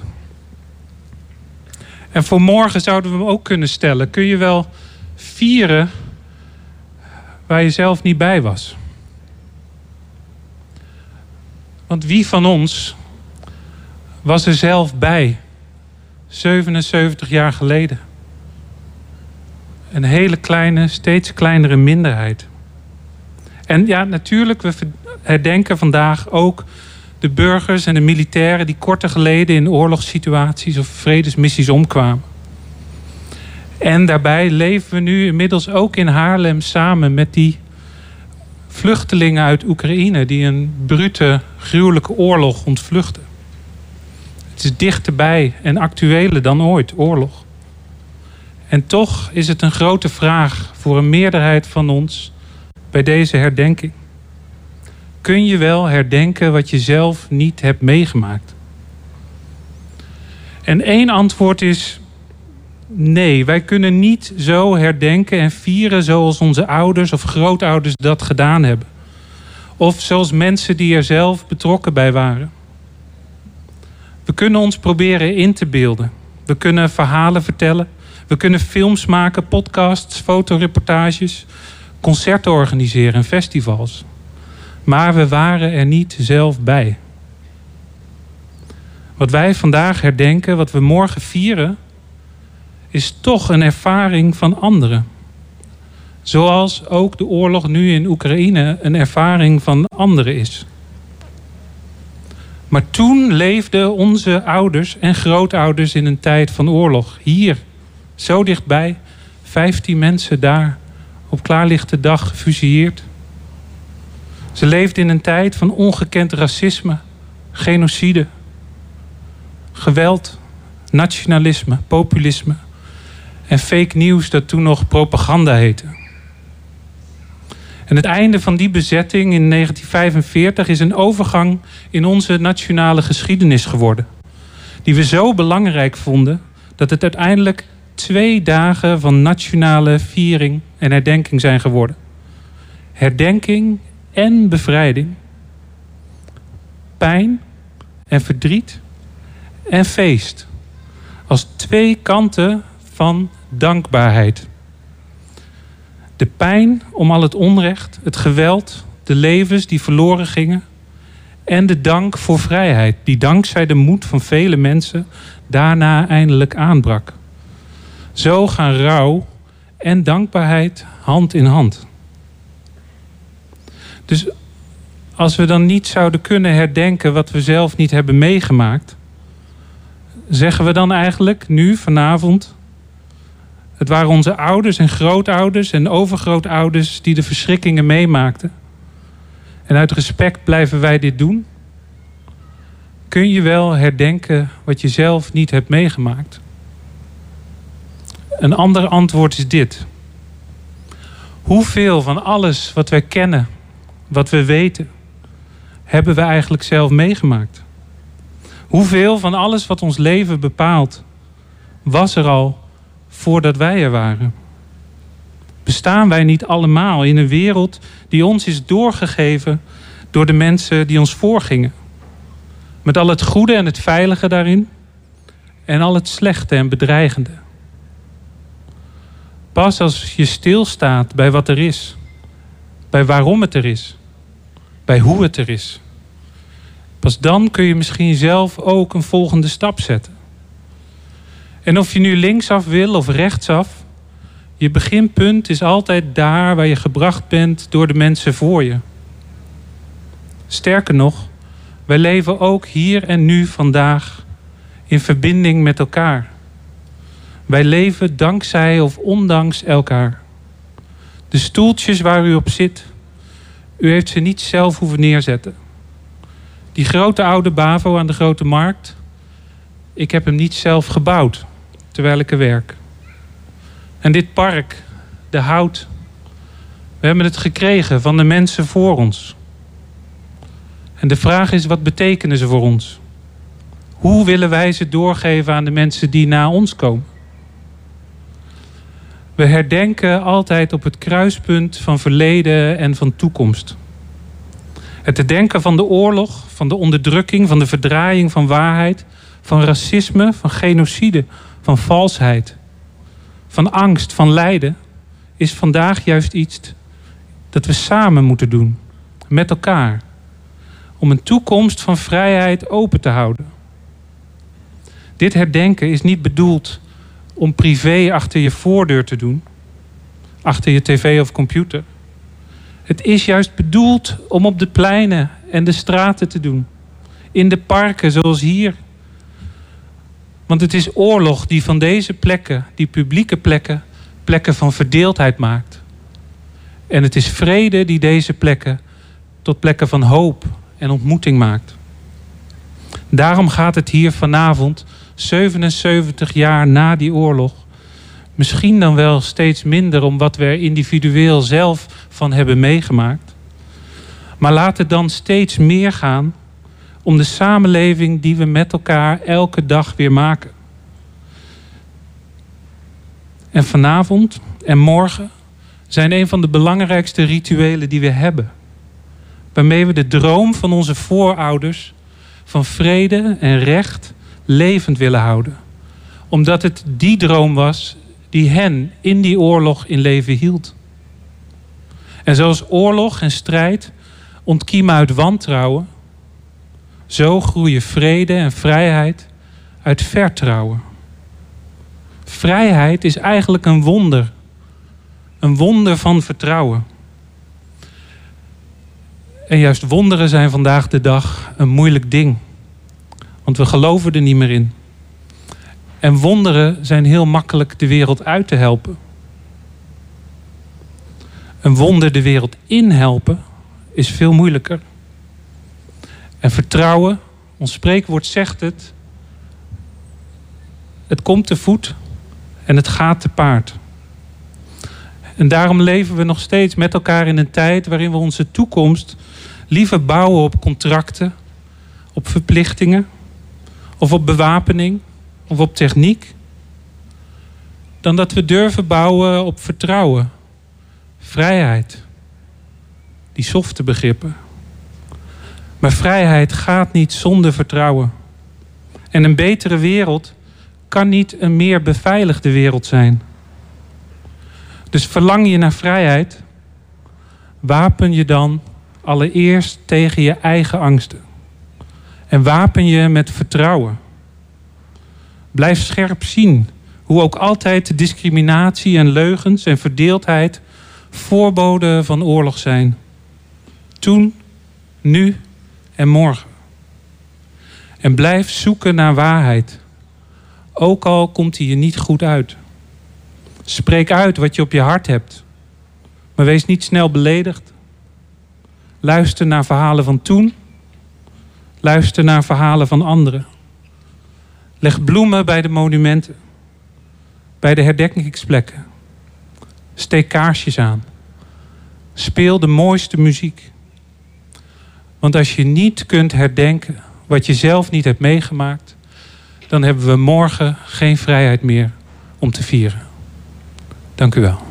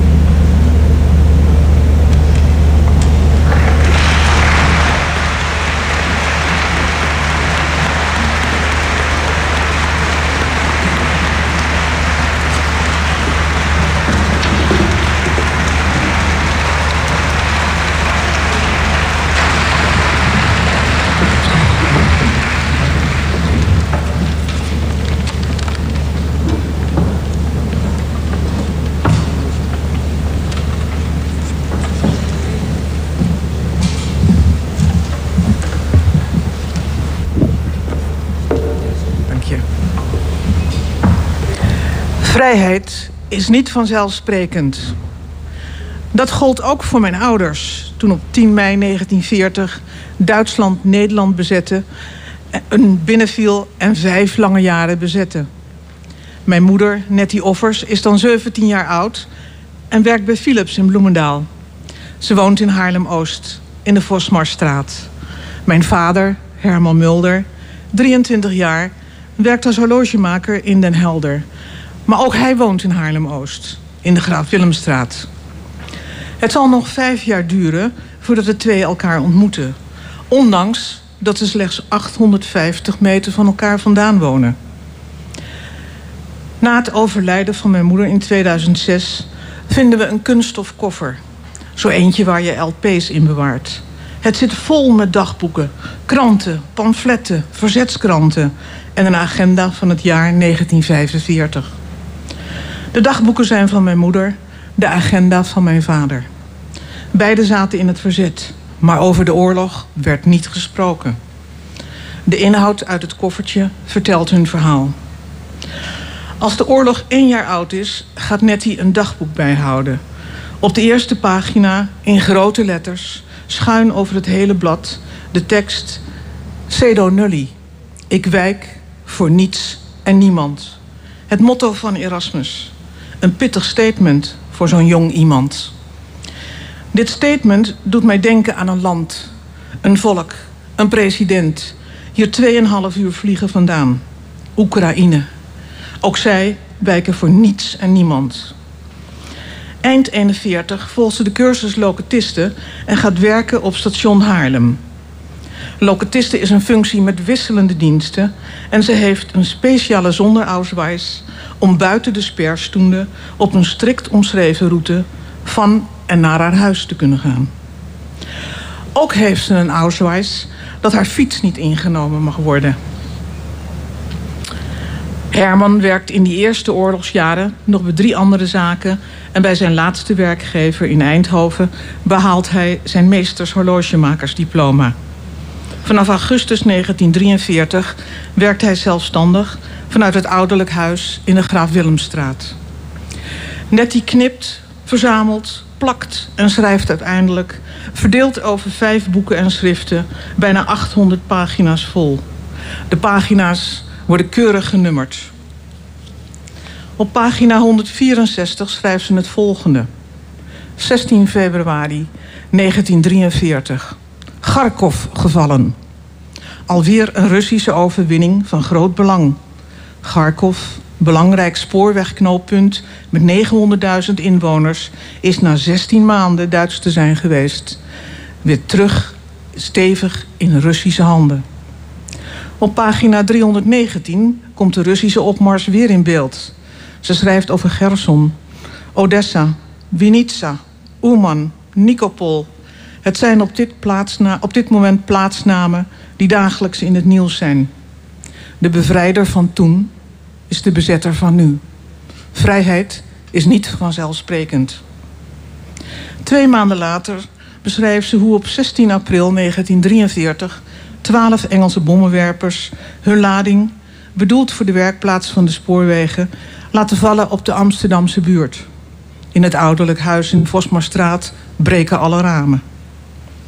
Op Dolle Dinsdag, 5 september 1944, als de geallieerden het zuiden van Nederland bevrijden, beschrijft ze hoe NSB'ers en Duitsers in grote getalen via station Haarlem naar veilige oorden proberen te reizen.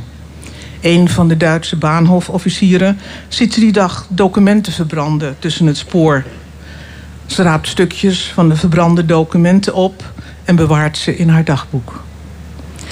Via verzetskranten en Radio Oranje bewaart ze de cryptische codeboodschappen bestemd voor het verzet. Op zondagmiddag 16 september 44 klinkt de volgende boodschap door de ether. De kinderen versteeg moeten onder de wol. Het zijn voor 30.000 NS-personeelsleden om maandag 17 september 44 het werk neer te leggen en te staken. Als ze die dag bij haar werk aankomt, staat ze voor een gesloten station. Ze keert huiswaarts en zal pas eind juli 45 weer aan het werk gaan bij de NS. In oktober 44 meldt Nettie zich bij het Vrouwelijk Korps Binnenlandse Strijdkrachten. Herman is lid van een OD-verzetsgroep. In september 44 wordt de OD-groep opgenomen in de Binnenlandse Strijdkrachten. In Hermans agenda staan dagelijks notities. Ook hij volgt de oorlog op de voet en houdt bij waar de geallieerden zijn en welke steden zijn bevrijd. Maar ook hele triviale zaken als verjaardagen, vrienden die in ondertrouw gaan. Mijn beide ouders schrijven in die hongerwinter over rassia's, rantsoeneringen, Zweeds wittebrood, voedseldroppings, maar ook hoe op 12 februari 1945 acht mannen bij de Jan Gijzenkade zijn gefusilleerd. Waar Nettie uitgebreid schrijft over het leven in de oorlog, maakt Herman kernachtige aantekeningen. Maar achter elke opmerking zit een wereld van leed, ontbering, maar ook hoop bij iedere stap dat de geallieerden de Randstad naderen. Op 5 mei 1945 schrijft hij in grote letters: Duitsland capituleert. Hoera, eindelijk vrij. Maandag 7 mei 45 staat er in Hermans agenda mobilisatie BS. Het is de dag dat Nettie zich meldt bij de BS, gewest 12, vak Oost. En daar ontmoeten mijn ouders elkaar voor het eerst. Herman wijst haar af. Hij kan haar niet gebruiken. Iemand hoger in rang overroelt deze afwijzing en Nettie wordt zelfs één van de weinig betaalde krachten binnen de BS-groep. 22 juli stoppen voor beide de werkzaamheden bij de Binnenlandse strijdkrachten. Het onderdeel vak Oost wordt opgeheven. Nettie gaat weer aan het werk als locatiste op station Haarlem. Herman is op jacht naar een pand om zijn horloge en klokkenzaak te beginnen. In 1948 trouwen ze. Ze krijgen vier kinderen. Bouwen de horlogerie juwelierszaak op en daarnaast nog het Haarlems medaillehuis. Over de oorlog werd nooit gesproken. Maar de oorlog verdwijnt nooit. Boeken worden verzameld en in veel boeken zitten krantenknipsels die op het onderwerp slaan. In de zeventiger jaren gaat het mis. De kinderen zijn de deur uit en de oorlog komt terug in het hoofd van mijn vader. Stichting 4045 biedt hulp. In december 81 krijgt hij het Verzetsherdenkingskruis opgespeld. Van mijn moeder hangt er een banier in de corridor van de vrijheid in winkelcentrum Schalkwijk. En zij maakt onderdeel uit van de tentoonstelling Vrouwen in het Verzet in het Noord-Hollands Archief. Als kinderen van getuigen van de oorlog vragen we ons af of we meer hadden moeten vragen. Zouden ze meer verteld hebben? Zou het hen geholpen hebben met de verwerking? We zijn dankbaar dat al hun materiaal uit de Tweede Wereldoorlog bewaard is gebleven. Dat wij hun verhaal kunnen vertellen en door kunnen geven. We leven al 77 jaar in vrede en vrijheid. Maar de oorlog in Oekraïne, aan de rand van Europa, leert ons dat vrijheid kwetsbaar is. En dat we niet weg moeten kijken, alert moeten blijven. En vrede, veiligheid en vrijheid moeten bewaken en bewaren. Vrijheid is niet vanzelfsprekend. Ik dank u.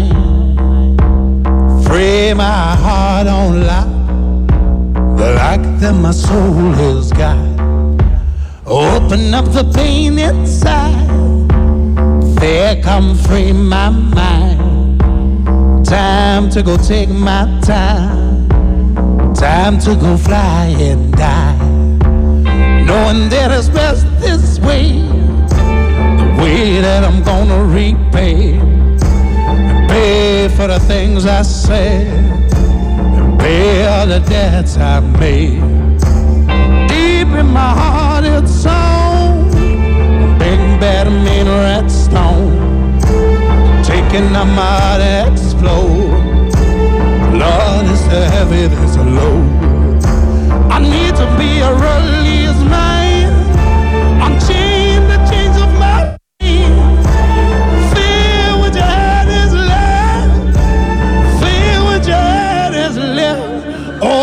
free.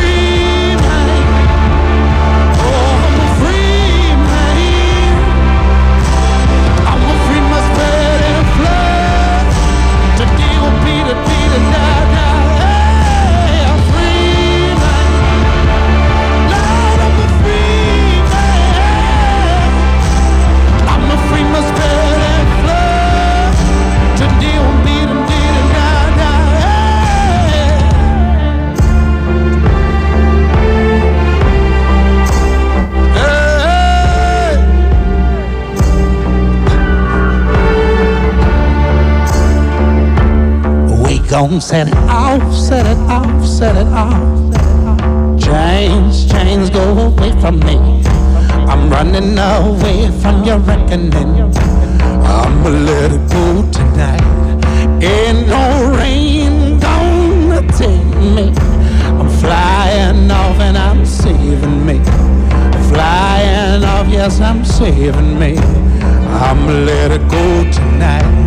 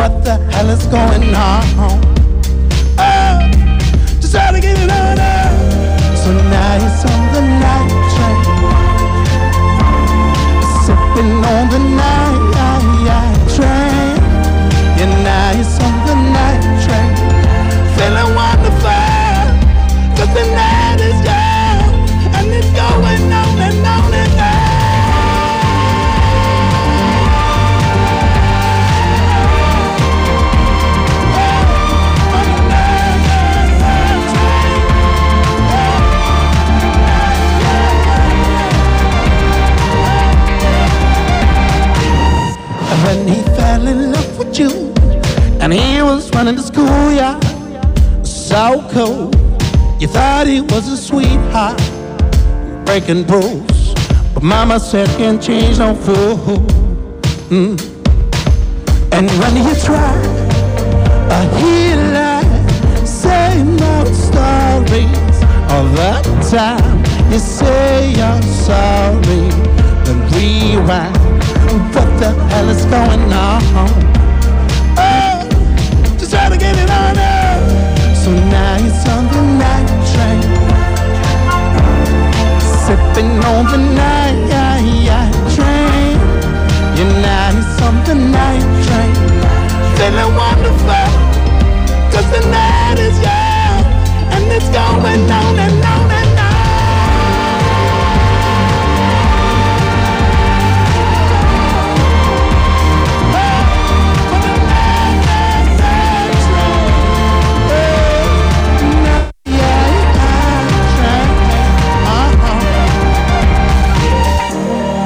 Nice on the night train, sipping on the night train. Nice on the night train, feeling wonderful. Cause the night's young, and it's going on and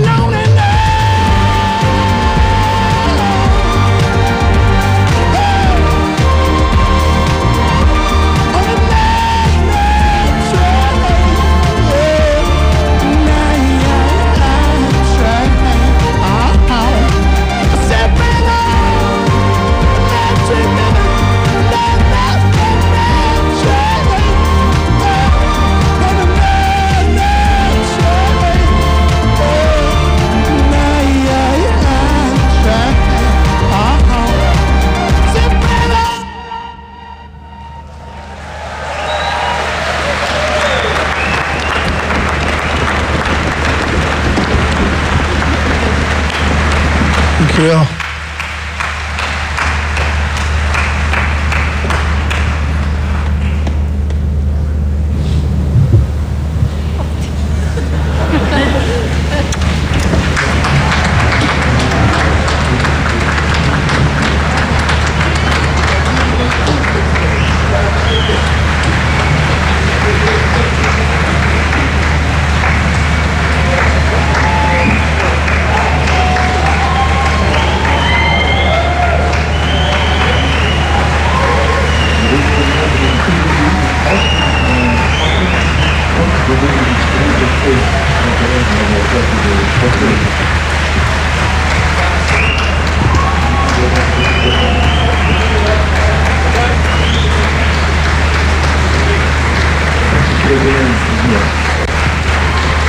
In de buurt blijven.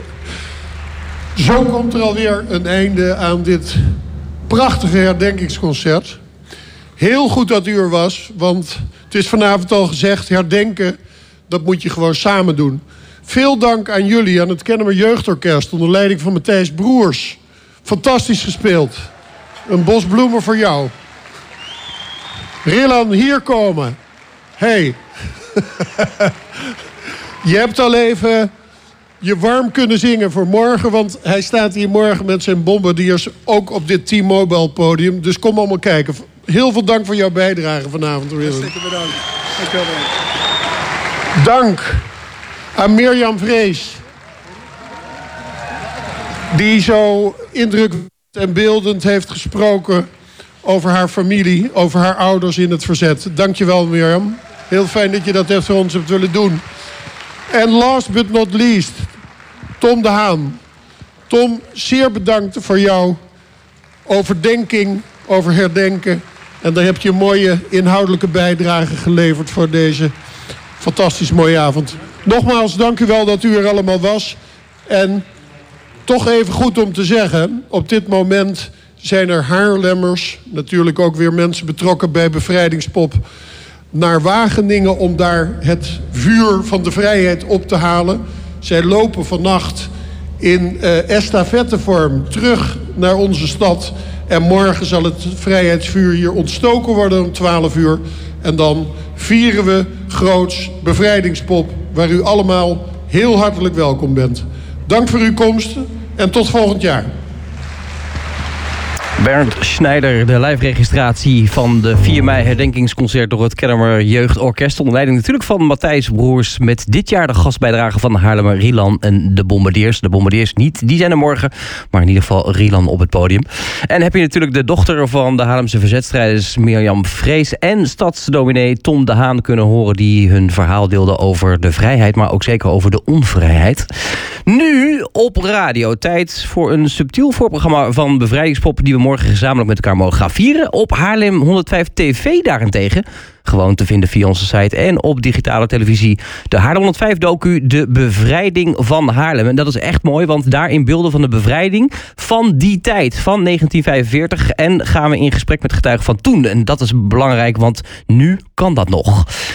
Het is mooi en belangrijk dat we hierbij en kunnen mogen blijven stilstaan. Want vrijheid, en dat weten we maar al te goed, is niet vanzelfsprekend.